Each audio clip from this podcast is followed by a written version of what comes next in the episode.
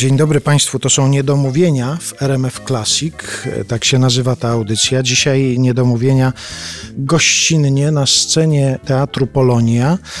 Dlaczego na tej scenie wyjaśnimy, a teraz tylko Państwu mówię, że naszym gościem dzisiaj jest Jan Peszek.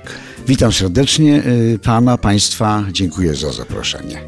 Przejrzałem trochę rozmów, e, które się gdzieś pojawiły w ostatnim czasie, rozmów z Panem i to jest taka figura stosowana często w różnych portalach internetowych, że tak się zapowiada Jan Peszek w szczerej rozmowie. Nie wiem, czy to jest w ogóle możliwe. To znaczy, myślę, że kiedy spotyka się w rozmowie kogoś interesującego, kto prowokuje w sposób ciekawy, zadaje ciekawe pytania, no to rozmówca stara się nie kłamać, albo przynajmniej zdaje mu się, że nie kłamie. I stara się odpowiadać, że tak powiem, na aktualny stan umysłu, no w miarę szczerze, prawda? Aczkolwiek e, nie wdając się w filozoficzne aspekty, czy szczerość w ogóle jest możliwa, tak jak, jak wolność, no to by, tutaj by się zaczęła długa rozmowa. Ale ja odniosłem właśnie wrażenie, przeglądając, czytając te rozmowy, że właściwie nie trzeba takiego określenia używać, bo pan jest w tych rozmowach szczery do bólu.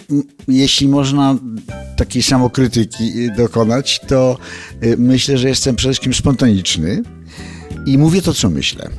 A przynajmniej tak mi się zdaje, że myślę wtedy o tym, o czym mówię.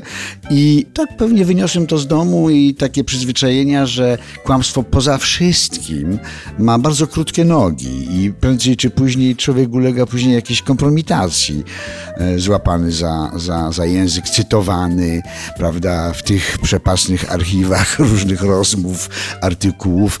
Potem żałuje kłamstwa, więc to się na pewno nie opłaca, a poza tym szkoda czasu na kłamstwo, tak mi się wydaje. No to obiecujemy, że zrobimy wszystko, żeby za jakiś czas, kiedy ta nasza radiowa rozmowa będzie się kończyła, mieli Państwo takie poczucie, pewność właściwie, że to była szczera rozmowa z Janem Peszkiem. Wracamy wkrótce.